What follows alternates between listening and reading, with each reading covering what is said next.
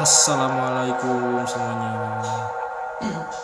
Kali ini kita kedatangan tamu namanya Didik Miftah. Gimana kenalin dong, Bro? Oke teman-teman, saya Didik Miftah.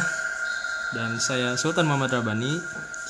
Jadi kali ini tuh kita mau cerita sedikit tentang pengalaman kita sedikit mendaki gitu ya. Jadi eh, hal yang aneh apa aja sih yang pernah si Kang Didik Miftah ini alami gitu kan? Kalau saya jujur eh, kalau mistis-mistis nggak pernah ini ya, nggak pernah eh, alami juga, alhamdulillah belum pernah.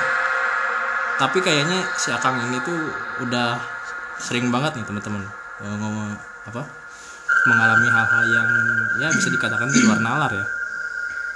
Ya jadi mau percaya atau tidak ya, karena saya yang mengalami gitu. Jadi hal mistis seperti itu ya saya intinya percaya. jadi waktu itu ya di sebenarnya udah banyak sih, ada empat kali mungkin se- semenjak saya eh, melakukan pendakian waktu itu. Pertama sih ada di sana di Rangrang. Dan itu Akang alami sendiri ya, bukan cerita-cerita. Iya asli ya tuh. Ini nih bahasa Indonesia aja teh. Iya. Siap tuh. Sok gimana Kang? Pengalamannya kayak gimana? Ya intinya mah waktu itu pas sebenarnya nggak sekali dua kali sih udah berapa kali waktu itu di Nyawang pertama Nyawang itu di Nyawang Lembang ya? Bandung Lembang Nyawang itu buat yang nggak tahu, Nyawang itu sebuah eh, hutan pinus yang Jadi- berletak di Lembang ya. iya jadi itu sebenarnya bumi perkemahan sih dulunya Dan nggak diurus juga kayaknya. Oh, jadi kemarin itu ya udah dua tahun terakhir itu kemarin udah emang terbengkalai gitu Nyawang Bandung itu nah Cuman sekarang-sekarang udah kayaknya udah mulai ada lagi ya, udah nah mulai ramai lagi. ya mulai Soalnya waktu pas kemarin kita ke sana itu lumayan banget, lumayan banyak Mm. yang itunya. Ya tapi kalau waktu itu pas saya ngecamp di sana bertiga si temen itu.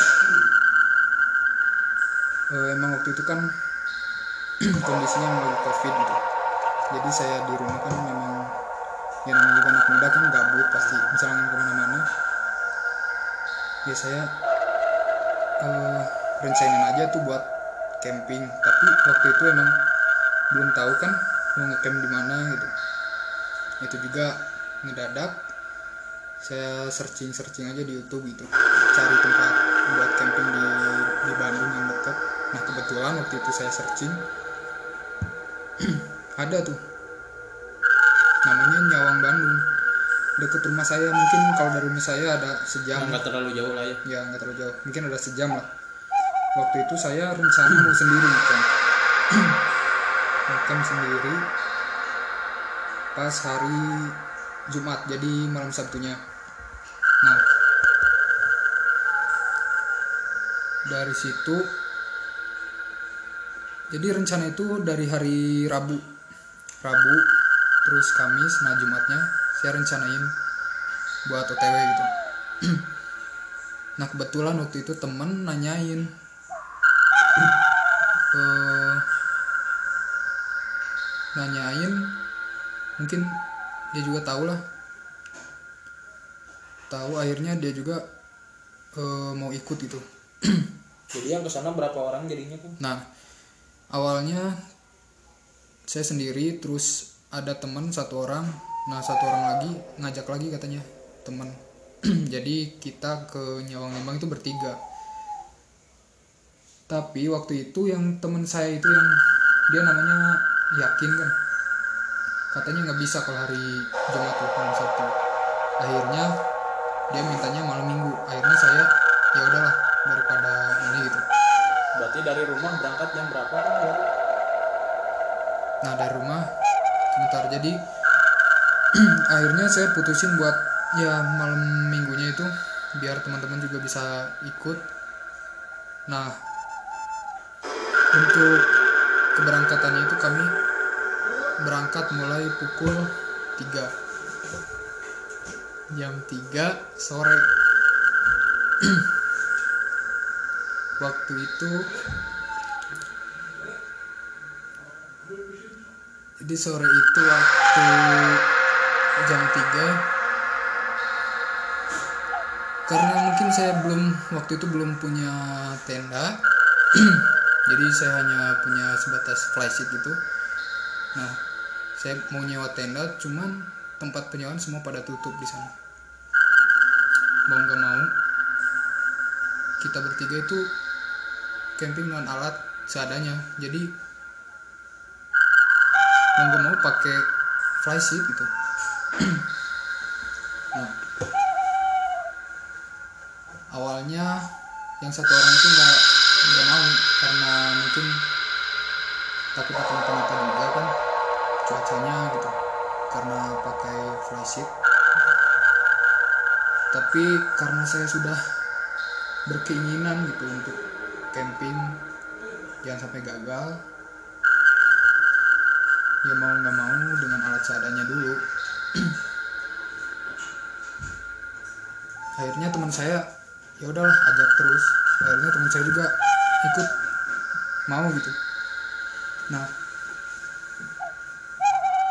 setelah itu kami berangkat mulai pukul habis asar setengah empat kan ke lokasinya Lembang. Mungkin sampai di sana jam jam 5 ya. Jam 5 nah di jalan juga cuaca sudah tidak mendukung kondisinya. Jadi waktu itu awal keberangkatan itu cuacanya udah agak mendung gitu. Mendung. Nah pas mungkin beberapa menit lagi mau nyampe ke lokasi turun hujan. Hujan akhirnya kita paksain aja tuh. Karena hujannya belum terlalu besar lah mungkin sebatas gerimis seperti itu. Akhirnya kami paksain.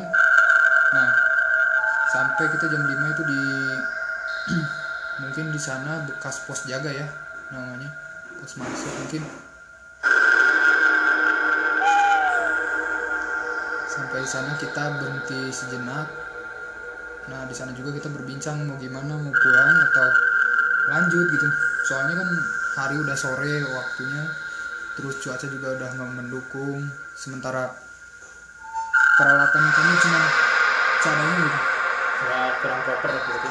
Ya karena awalnya emang tapi itu teh awalnya emang pengen niat camping atau cuman nongkrong di sana aja gitu kan? Awalnya emang camping. Oh, niatnya camping. Udah direncanain itu dari hari Rabu. Nah udah sampai di sana akhirnya saya bikin keputusan lah buat nyari dulu ke atas. Nyari tempat Nyari tempat. yang enak. Ya buat tembak. Nyari ke atas. Nah nggak lama dari situ udah tuh buat tempat ngecamp kayak gitu. Lumayan lah datarnya. Mungkin bisa lah buat banyak sih buat ini kayak lapang gitu kondisinya. Nah di situ juga ada saung saung yang terbuka gitu. Nah awalnya saya minta buat mungkin buka flysheet di di luar saung itu. Tapi karena cuacanya waktu itu kan udah nggak mendukung udah makin sore hujan kan makin gede gitu. Akhirnya teman saya minta kita buat tenda di itu aja.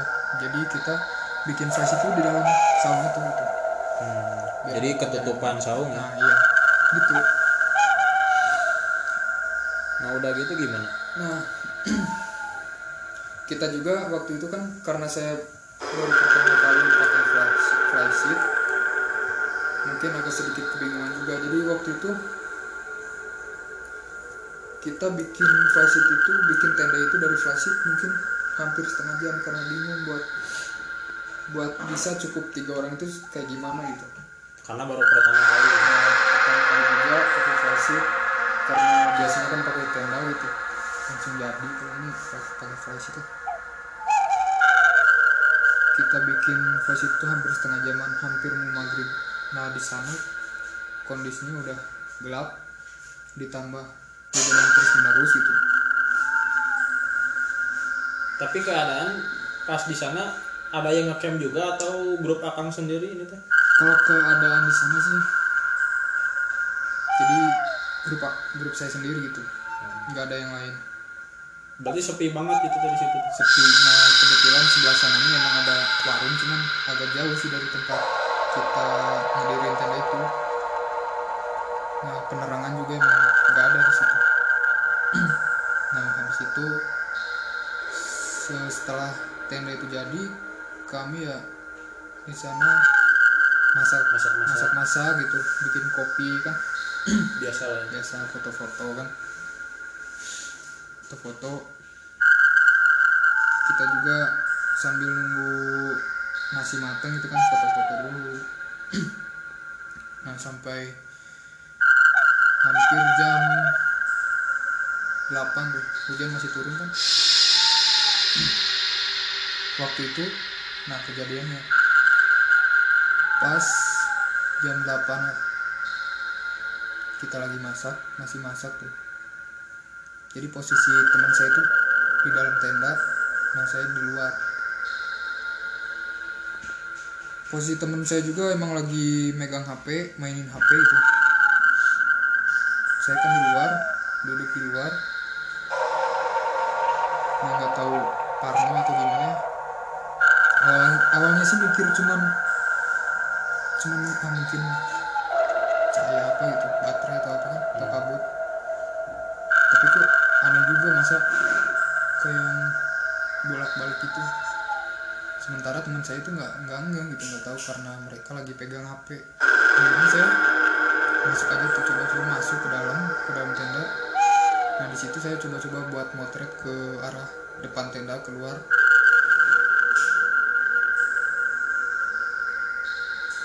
nggak sengaja di situ. Saya juga ngeliat gitu. Mungkin kalian percaya nggak percaya sih karena saya saya yang ngalamin sendiri. Emang jelas tuh. Di atas putih. Nah pas saya potret juga emang sekelebat putih kayak gitu sih. Mungkin bisa dibilang kuntilanak tapi di di foto ada itu tuh di foto emang kelihatan. Ya saya karena atau waktu atau dari mata aja yang kelihatan?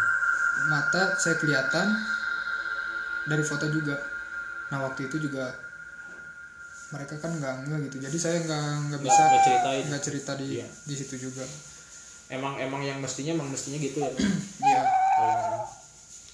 Jadi kalau misalnya kita ada di tempat-tempat alam gitu gunung atau apa nggak boleh nyeritain hal-hal yang aneh gitu. Gitu. Tapi itu bukan bukan gimana gimana emang ngaruh ke psikologis juga ya. Jadi kalau misalkannya kita ngelihat terus pasti kan eh, kayak kita sendiri yang takutnya gitu kan. Nah kita takut jangan nularin ke teman-teman kita gitu. Nah iya gitu. Intinya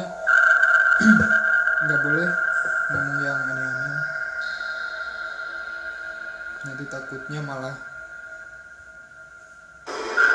malah nunjuk nunjukin gitu. Mereka makin wah makin ini aja gitu. Kalau bahasa Sundanya mah macet lah. gitu. Nah dari situ kan saya nggak bilang nih ke teman nah biasa lagi kita makan makan di situ. Cerita cerita ngobrol. Di situ juga cuaca masih malah berkabut sih. Masih turun hujan gerimis. Itu gerimis sampai jam 12 tuh. Gerimis terus. Dan suasana di sana memang sepi itu nggak ada siapa-siapa.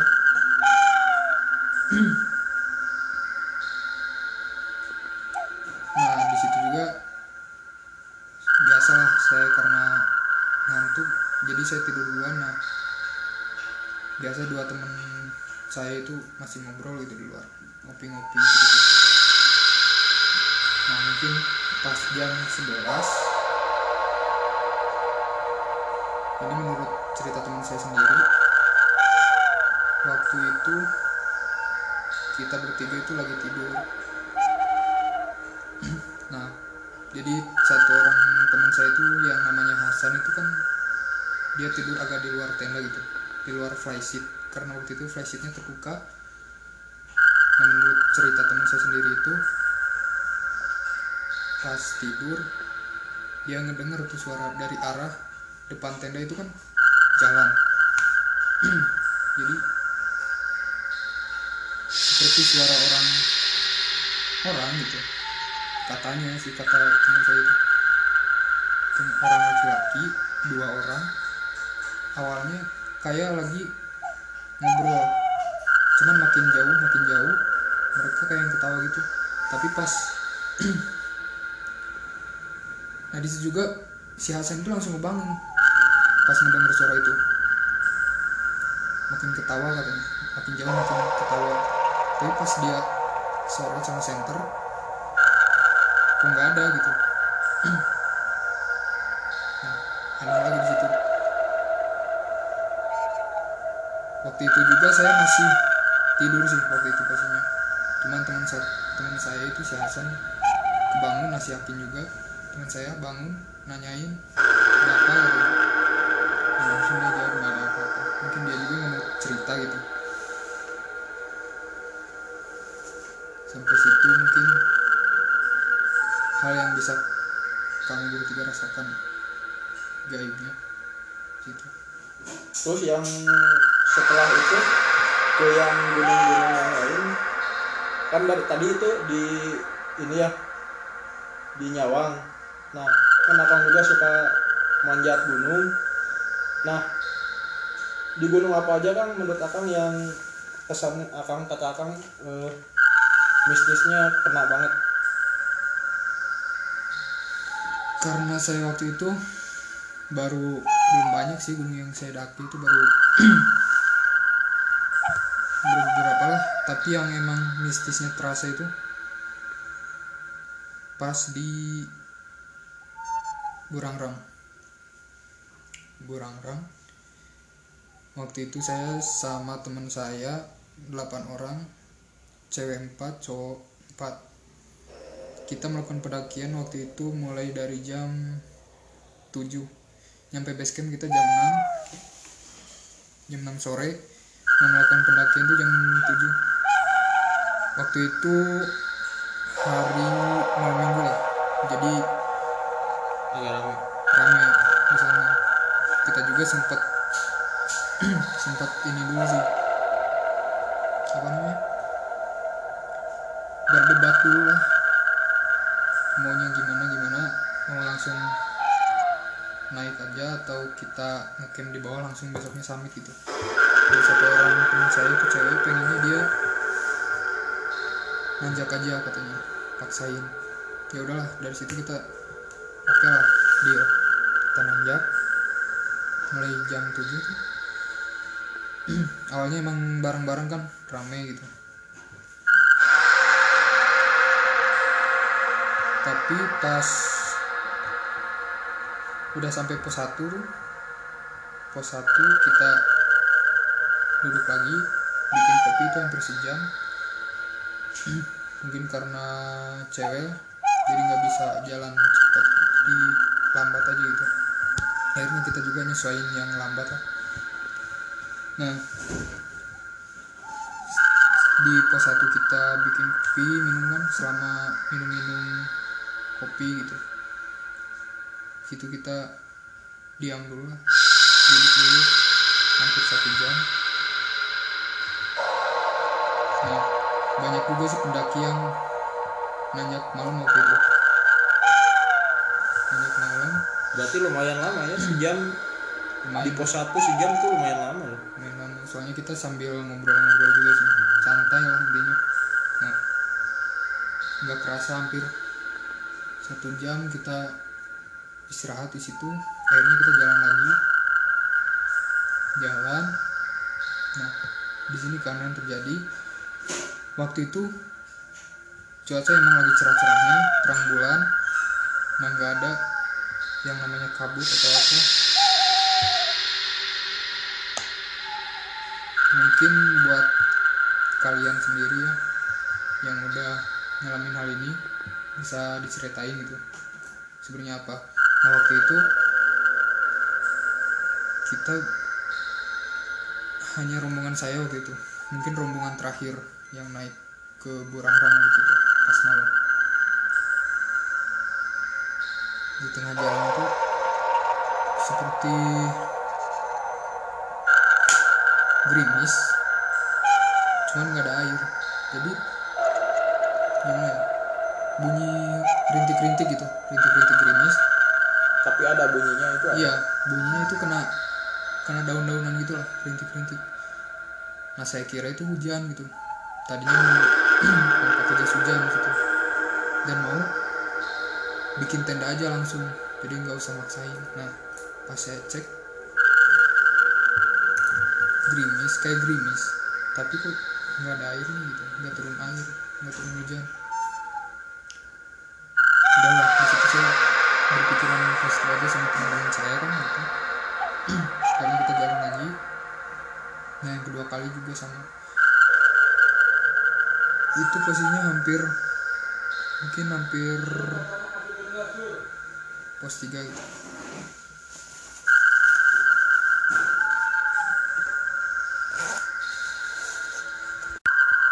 Oke lanjut. Jadi kejadiannya ya dua kali waktu itu. Mungkin waktu itu kejadian mau hampir pos 3 hampir pos 3 kejadian seperti lagi sama. Jadi kayak hujan turun hujan cuma nggak ada air yang turun gitu. Nah sampai di pos 3 kita istirahat lagi. Mungkin waktu itu udah pukul setengah sebelasan di pos 3 itu baru pos 3 kita ngobrol ngobrol. Nah mungkin karena kita udah capek juga gitu. Berpikiran ke mana-mana. Ya mungkin buat kalian yang tahu entah apa gitu ya mungkin suara burung atau apa sih. Binatang apa? binatang atau apa ya. Jadi kita itu waktu itu posisinya istirahat di bawah pohon besar emang. Nah waktu itu juga tiba-tiba ada suara burung gitu ah, entah tahu lah nggak tahu lah. Tapi waktu itu saya mikirnya positif dulu mungkin itu burungnya jadi kayak suara ketawa gitu cekikikan cuman eh, sebentar-sebentar gitu. Jadi ada nggak ada ada nggak ada gitu? Hmm, jadi cuman sekilas lah. Jadi gini gitu teman saya cewek mereka pada nggak tahu nah, cuma burung lah nah akhirnya di situ. Tapi itu yang lain pas ngedenger eh, mereka kelihatannya gimana? Ketakutan atau enggak? Kalau cewek sih pastinya nanyain sambil emang ketakutan juga. Emang ini ya Nah, kebanyakan ketakutan gitu. Nah, jadi kita karena makin mungkin takutnya gimana gimana akhirnya kita langsung jalan aja gitu posisi cewek itu di depan kami cowok berempat belakang. Kita jalan makin jauh dari tempat itu kok suaranya makin kencang makin kencang terus makin aneh aja gitu makin ngelengking gitu suaranya. Jadi gitu. Wah emang di situ saya juga udah benar-benar ah mikirnya apa aja gitu karena waktu itu saya jalan paling belakang juga. Tapi tetaplah harus berpikiran positif gitu. Mungkin buat teman-teman yang tahu itu suara apa mungkin yang udah pengalaman mendengar kayak gitu. Tapi emang kayaknya kalau burung emang emang ada juga kayaknya burung yang suaranya kayak gitu. Iya, emang cuman karena emang malam terus ya pada capek pada ini jadi wajar mikir yang kayak gitu. Iya, mikirnya gitu. Tapi yang nggak tahu juga ya yang yang didengar itu suara apa? Ya anehnya kita jalan jalan lagi tuh. Lancar hampir pos 4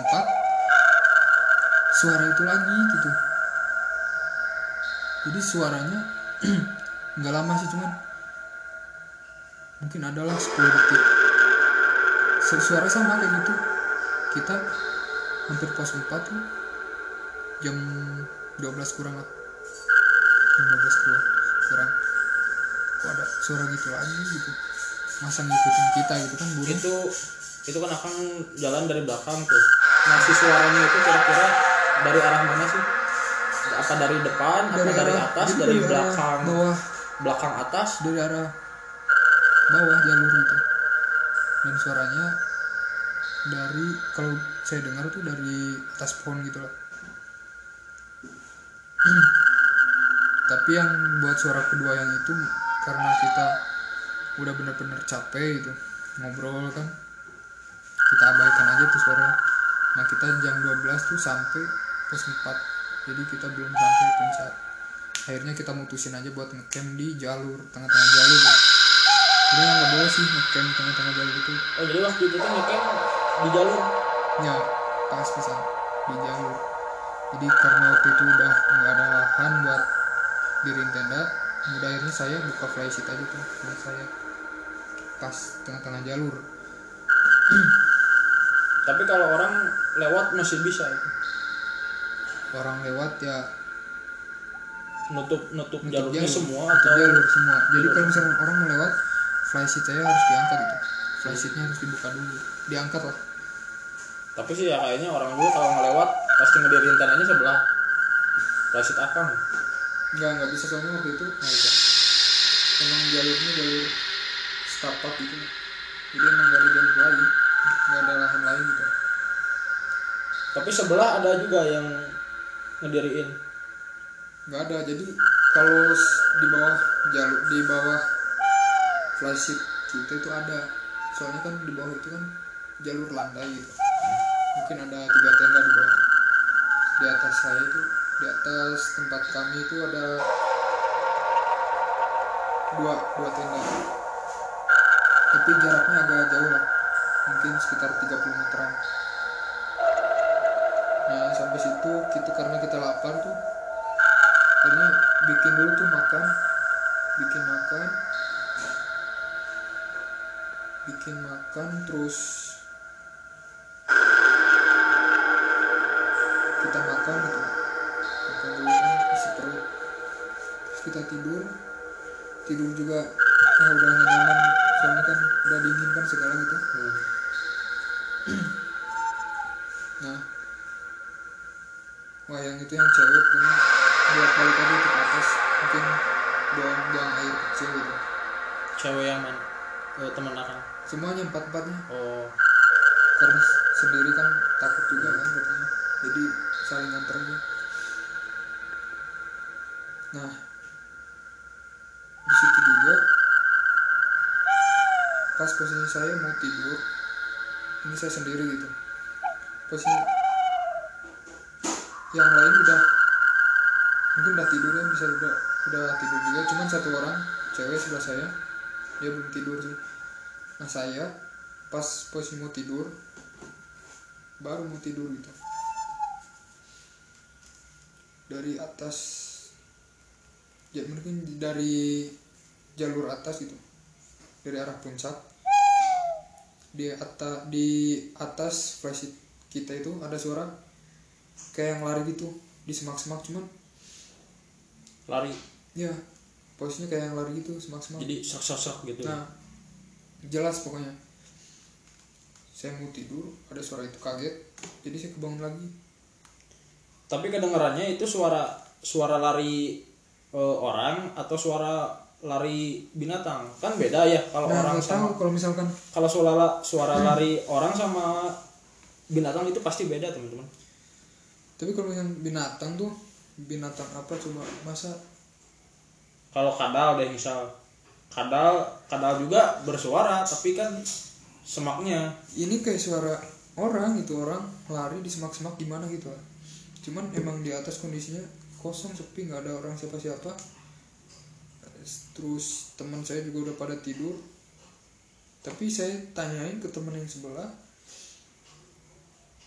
dia nggak ngedenger. Masa pendengaran saya gitu salah gitu.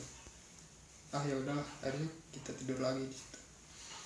Nah, kita tidur mungkin kita summit waktu itu jam 5 jam 5 kita naik ke puncak biasa sampai puncak. Kita istirahat dulu. Sampai puncak itu jam 8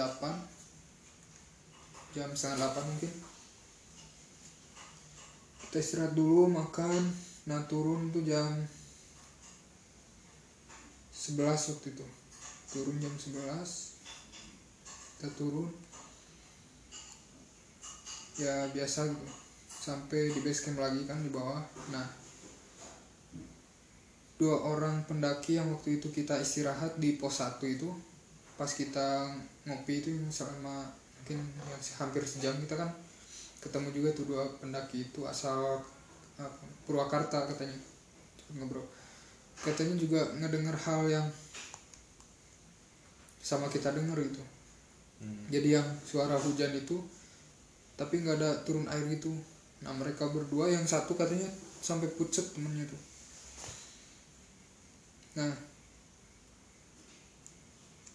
saya tanyain tuh katanya ke penjaga ke ibu-ibu warung yang di situ. Emang di situ mitosnya nggak boleh pakai baju merah kerudung merah. Nah sementara teman saya itu yang cewek pakai baju merah. Mungkin dari situ juga sih. Nah yang cewek itu juga cerita kalau dia sendiri dapat di mungkin haid ya. Oh. Haid pas di pas kita bikin flysheet di atas itu di pos 4 nah mungkin dari situ kejadian-kejadian aneh yang bisa eh kerasa gitu. Mungkin mungkin gitulah efeknya gitu kalau mitos mungkin.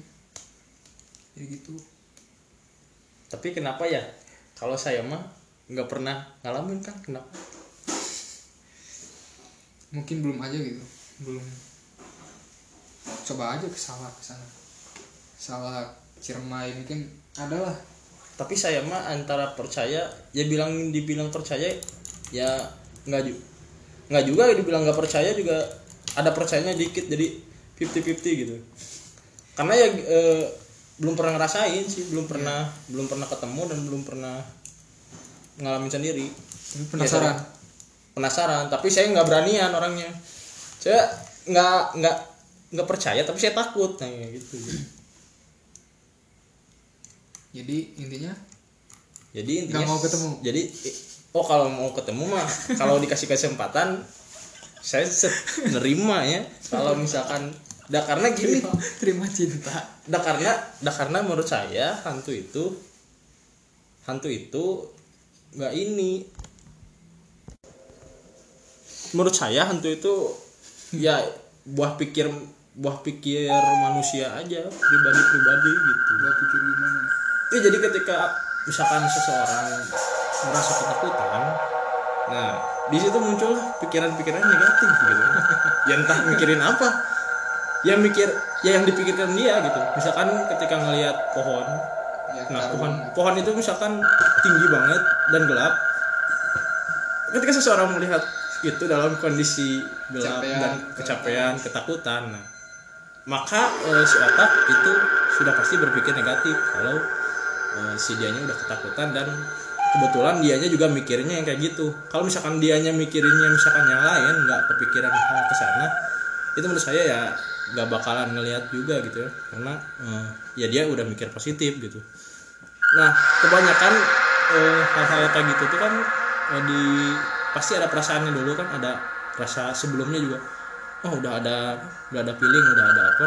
Nah nah dari situ dari pikiran-pikiran yang kita takut terus kita ngebayang-bayangin nah terhar tervisualisasikan nantinya jadi kenapa misalkan di tiap negara itu eh, tiap negara tiap negara itu eh, si jenis hantunya pasti beda-beda gitu.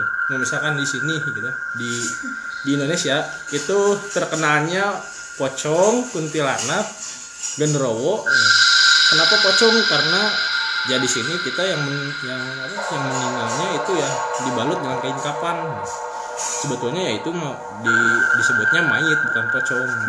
Karena eh, kita takut karena kita percaya eh, dengan kehidupan setelah kematian. Nah di situ teh di situlah eh, muncul yang muncul eh, apa cerita-cerita yang eh, turun temurun itu mitos lah bisa dibilang. Nah kalau kita percaya mitos ya ya pasti ya kemungkinan besar kita juga percaya sama makhluk itu gitu. Nah ketika kita percaya kita tuh akan membayang-bayangkannya dan ketika takut semakin membayangkannya dan semakin mempercayainya lalu tervisualisasi oleh mata. Dan sebetulnya itu tuh bukan hantu gitu. Ya itu mah emang emang misalkan misal ada bayangan. Nah ya itu mah emang bayangan gitu. Entah entah dari apa entah dari apa ya emang bayangan ada cahaya yang misalkan itu pa- pantulan dari bulan atau pantulan dari lain-lain itu ya bisa aja gitu kan. Misal dari pas pengalaman akang gitu ya yang di Burangrang itu kan katanya hujan tapi hujan tapi nggak berair gitu. Eh tapi hujan tapi tak berair gitu. Itu itu gimana gitu? Hujan tapi tak berair. Nah, mungkin di badan kerasa basah gitu di bukan jadi hujan nggak berair itu kan Iya, teman- jadi- teman-teman bisa tahu lah kalau yang turun hujan itu kena kena pohon kayak gimana kan suaranya Hmm. kan rintik-rintik Hmm. itu nah cuman nggak ada airnya gitu. Nah bisa jadi ini mah embun. Nah mungkin bisa penilaian teman-teman sendiri apakah embun itu emang seperti itu misalkan kena kalau menurut saya ini 81% embun. Berarti masih ada sisanya gitu? Masih ada soalnya ya kan nggak ngalamin. Tapi tapi kalau misalkan embun masuk akal. Masuk akal nggak kalau embun? Masuk akal kalau kata saya masuk akal jadi embun kan pasti di yang, gunung yang itu namanya embun itu seperti apa sih?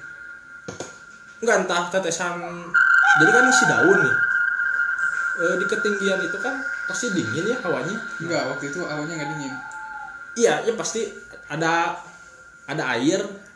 Kan embun terus nempel di daun-daun itu gitu kan. Nah ketika kena angin kan pasti goyang-goyang daunnya. Nah waktu itu Nah. juga nggak ada angin ketika goyang-goyang otomatis si airnya jatuh ke bawah.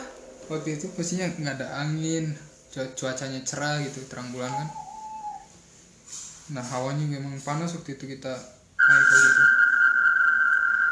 kalau ini sih saya mikirnya udah udah lain lagi gitu, udah beda.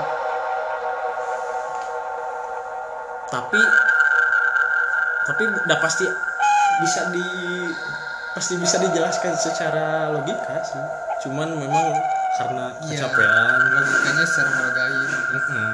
Nah, kan? Tapi- secara kan tapi akan sendiri kan emang percaya ya, dan emang pernah ngalamin. Buat yang nggak percaya itu gimana? Bisa dikatakan saya nggak percaya deh gitu. Mungkin karena belum ngalamin. Belum ngalamin. Ya, tapi ya, ya walaupun eh, nggak percaya jangan sombral juga lah ya. Jangan nantang gitu ya, intinya pengalaman dari saya sendiri kalau misalkan teman-teman mendaki itu ya kalau bisa jangan malam lah. Kalau bisa pagi mungkin siang. Nah kalau misalnya mendaki juga kita harus tahu mungkin karena beberapa gunung itu punya mitos-mitos tersendiri jadi harus tahu tahu juga itu mitosnya apa. Nah jangan lupa yang terpenting kalian buat eh, melakukan pendakian itu intinya peralatan prepare lah ya. prepare yang benar-benar gitu cukup. Yang cukup kondisi situasi fisik kalian mental harus benar-benar diperhatikan gitu. Terus kan kalau naik gunung itu kan eh, kalau capek apalagi eh, banyakan gitu ya rombongannya itu pasti kalau lagi capek kan egonya pada keluar masing-masing tuh. nah, gitu gimana cara ngatasi ego-ego itu tuh? Nah untuk eh, masalah seperti itu kan pendakian secara grup seperti itu kan misalkan seperti saya sendiri 8 orang itu jadi kita harus emang bener-bener awalnya itu emang bener-bener harus diatur buat tugas-tugas yang tersendiri jadi kayak saya itu kemarin kan sebagai ketua kelompok jadi dalam satu grup itu harus punya satu ketua kelompok. Nah di belakang itu ada sweeper. Nah, jadi misalkan ada apa-apa juga tapi kita tapi nggak dengan tapi baik. Yang sweeper itu nggak mencuri ya? Nggak? Enggak lah. kirain itu sweeper yang- intinya misalkan kita melakukan pendakian rame-rame gitu mungkin kita kan nggak tahu ada salah satu orang yang emang jalannya lambat gitu kan cepet capek. Nah kita harusnya jangan pinter-pinter nyesuaiin. Nah kita harusnya bisa ya harusnya kita sendiri menyesuaikan yang lambat itu. Jadi nggak ada yang namanya ketinggalan atau duluan duluan gitu. tapi kalau akang sendiri ini resep seneng seneng naik itu banyakan gitu ya eh, rombongannya banyakan eh, jumlah orangnya atau mendingan sedikit? Mendingan nggak usah banyak banyak kalau untuk saya sendiri sih yang namanya muncak gitu ya bukan masalah dari banyak atau sedikitnya sih yang penting eh, mau sendiri juga nggak apa-apa yang penting ya. Sendiri asal siap mah ya asal asal siap aja tapi bukan rekomendasi lah kalau sendiri. Misalkan apalagi naik ke gunung yang belum tahu jalurnya. Kalau misalkan itu mah patah banget sih kalau ini. kalau misalkan kita udah emang bener-bener tahu gitu jalurnya ya nggak apa-apa sih tapi jangan sebenarnya bukan rekomendasi lah kalau misalnya mencak sendiri. Jadi kalau saya sih ya nggak masalah gitu mau banyakan atau sedikitan juga gitu. Nah itu kan tadi cek akang kan mitos. Itu itu wajib nggak sih kita eh, percaya gitu. Kalau menurut saya mah ya eh, mitos gitu ya kita boleh percaya boleh enggak. Ya tapi eh, apa yang hormati hormati aja gitu. Jangan kita nggak percaya tapi eh, terus kita seenaknya terus ya malah eh, melanggar mitos itu. Tapi kalau menurut saya ya nggak apa-apa nggak percaya mitos mah. Asal selama attitude dan kelakuan kita baik ya it's okay bro Mhm.